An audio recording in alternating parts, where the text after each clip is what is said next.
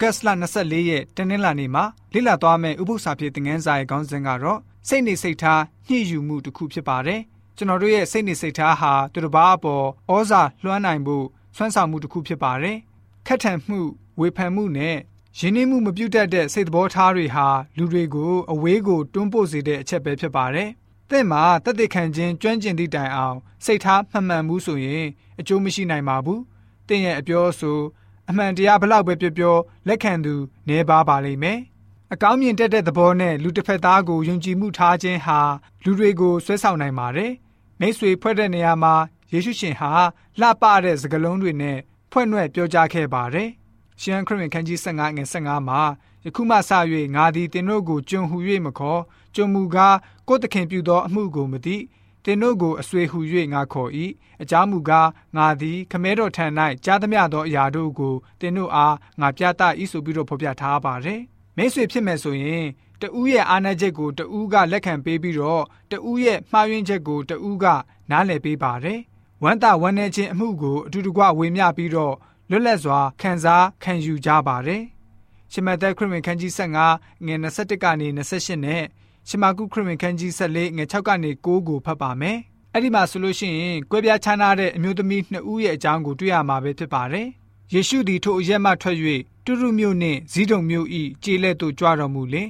ခါနန်အမျိုးဖြစ်သောမိမတစ်ယောက်သည်ထိုနယ်ဆက်မှထွက်လာ၍ဒါဝိဒ်၏သားတော်ရှင်ကျမကိုတနာတော်မူပါကျမ၏သမီးသည်နတ်ဆိုးနှိပ်စက်ခြင်းကိုပြင်းစွာခံရပါသည်ဟုဟစ်ကြော်တော်လဲစကားတခုံးမျှပြန်တော်မမူ တပည့်တော်တို့သည်ချိကပ်၍ထိုမိမပြန်သွားရသောအခွင့်ကိုပေးတော်မူပါငါတို့နောက်သို့လိုက်၍ဟစ်ကြော်လျက်နေပါသည်ဟုတောင်းလျှောက်ကြ၏ကိုတော်ကလည်းဣသေလအမျိုးအဝင်ပျောက်လွင့်သောသူများမှတပါအခြားသောအမျိုးရှိရာသို့ငါကိုမစစ်မလွတ်ဟုမိတ်တော်မူ၏ထိုမိမသည်ချိကပ်၍ပြက်ဝတ်လျက်ကျမကိုကယ်မတော်မူပါသခင်ဟုလျှောက်ပြန်လင်ကိုတော်က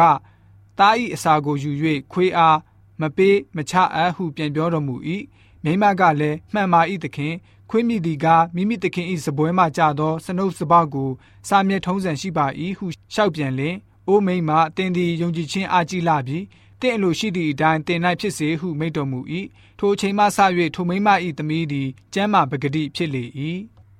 ယေရှုကလည်းထိုမိမကိုရှိစေတော့အဘဲကြောင့်နှောက်ယှက်ကြသည်။သူသည်ငါ၌ကောင်းသောအမှုကိုပြုပြီးဆင်းရဲသောသူတို့သည်တင်တို့၌အစဉ်ရှိကြ၏။ တင်တို့အလိုရှိသည့်အတိုင်းသူတို့အားကျေးဇူးပြုနိုင်၏။ငါမူကားတင်တို့၌အစဉ်ရှိသည်မဟုတ်။ဤမိမသည်တက်နိုင်သမျှပြုပြီးငါအလောင်းကိုတကြိုမြည်ဟုပြင်ဆင်ခြင်းကငါကိုယ်ကိုစီမွေးနှင့်လူးနှင့်တည်းငါမှန်ဆိုသည်ကားဧဝံဂေလိတရားကိုမြေတပြင်လုံးတွင်ဟောသောအရရက်တို့၌ဤမိမကိုအောက်မေ့စရာဖို့သူပြုသောဤအမှုကိုကြားပြောရကြလက်တန်းဟုမိန့်တော်မူ၏ဆိုပြီးတော့ဖော်ပြထားပါတယ်။ရှမသက်ခရစ်ဝင်ခန်းကြီး15ကအမျိုးသမီးကြီးဟာခန္နန်အမျိုးသမီးဖြစ်ပါတယ်။ သူမတောင်းပန်တဲ့စကားကိုယေရှုရှင်ဟာကြမ်းကြမ်းတမ်းတမ်းတုတ်ပြန်ပြီးတော့ငေါငန်းပစ်လိုက်ပါတယ်။သူမရဲ့ဇွဲဟာသူမရဲ့ယုံကြည်ခြင်းကိုပို့ပြီးတော့ကြီးထွားလာစေမှာဖြစ်ပါတယ်။ယေရှုရှင်ဟာခန္နန်အမျိုးသမီးရဲ့ယုံကြည်ခြင်းကိုလူတွေရဲ့ရှေ့မှာဖော်ပြပေးပြီးတော့မိန့်တော်မူတဲ့စကားတော်ကတော့ဘာသာရေးခေါင်းဆောင်တွေအထက်ကမှအဲ့ဒီခါနန်အမျိုးသမီးကိုအဖက်လုပ်လို့တဲ့သူတဦးမှမရှိတော့လဲပဲလူလူကြီးရဲ့ရှေ့မှာပဲယေရှုရှင်ဟာ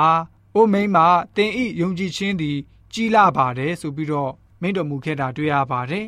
ဘာသာရေးခေါင်းဆောင်တွေပြုလုပ်တဲ့စိတ်တော်ထားမျိုးကိုယေရှုရှင်ဟာအဲ့ဒီအမျိုးသမီးကြီးကိုပြုတဲ့အတိုင်းပြုကြဖို့တွင်တင်ပေးခြင်းဖြစ်ပါတယ်သူမရဲ့စိတ်နှလုံးမှာရရှိတဲ့ပျော်ရွှင်ခြင်းနဲ့ပြောင်းလဲလာတဲ့အသက်တာကိုကျွန်တော်တို့တွေးကြည့်လိုက်ပါနောက်တစ်ယောက်အနေနဲ့သခင်ယေရှုရဲ့ခြေတော်ကိုစီမွေးနဲ့လောင်းတဲ့အမျိုးသမီးကတော့စရိတပြက်ခဲ့တဲ့ယူဒမိန်းမအမျိုးသမီးတူဖြစ်ပါတယ်အပြစ်ကိုမကြာခဏပြုတဲ့သူဖြစ်ပါတယ် သို့တော်လည်းပဲအပြစ်လွတ်ခြင်းအခွင့်ကိုရရှိသူဖြစ်ပါတယ်အသက်တာပြည့်ပြင်ပြောင်းလဲပြီးတော့အသက်တော်အသက်တာနဲ့ရှင်သန်လာခဲ့ပါတယ်လူတိုင်းကသူမကိုရှုတ်ချပြောဆိုနေချိန်မှာယေရှုရှင်ကသူမကိုမှန်တဲ့လမ်းပေါ်ကိုတက်မှတ်ပေးပြီးတော့သူမရဲ့အပြုအမူကို